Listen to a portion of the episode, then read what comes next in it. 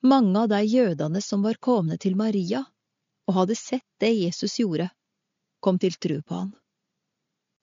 Men nokre gikk til fariseerne og fortalte hva han hadde gjort.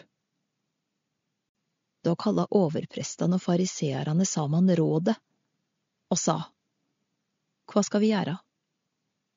Denne mannen gjør mange teiken. Let vi han halda fram slik, kjem snart alle til å tru på han, og romarane kjem, og tek både den heilage staden og folket vårt. Ein av dei, Kaifas, som var øvsteprest det året, sa da, Det skjønner ingenting. Det tenker ikke på at det er bedre for dykk at eit menneske dør for folket, enn at heile folket går til grunne. Det sa han ikke av seg sjølv, men fordi han var øvsteprest det året, tala han profetisk om at Jesus skulle dø for folket.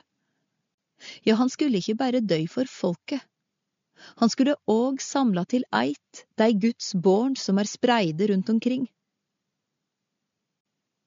Fra den dagen la de planer om å drepe han.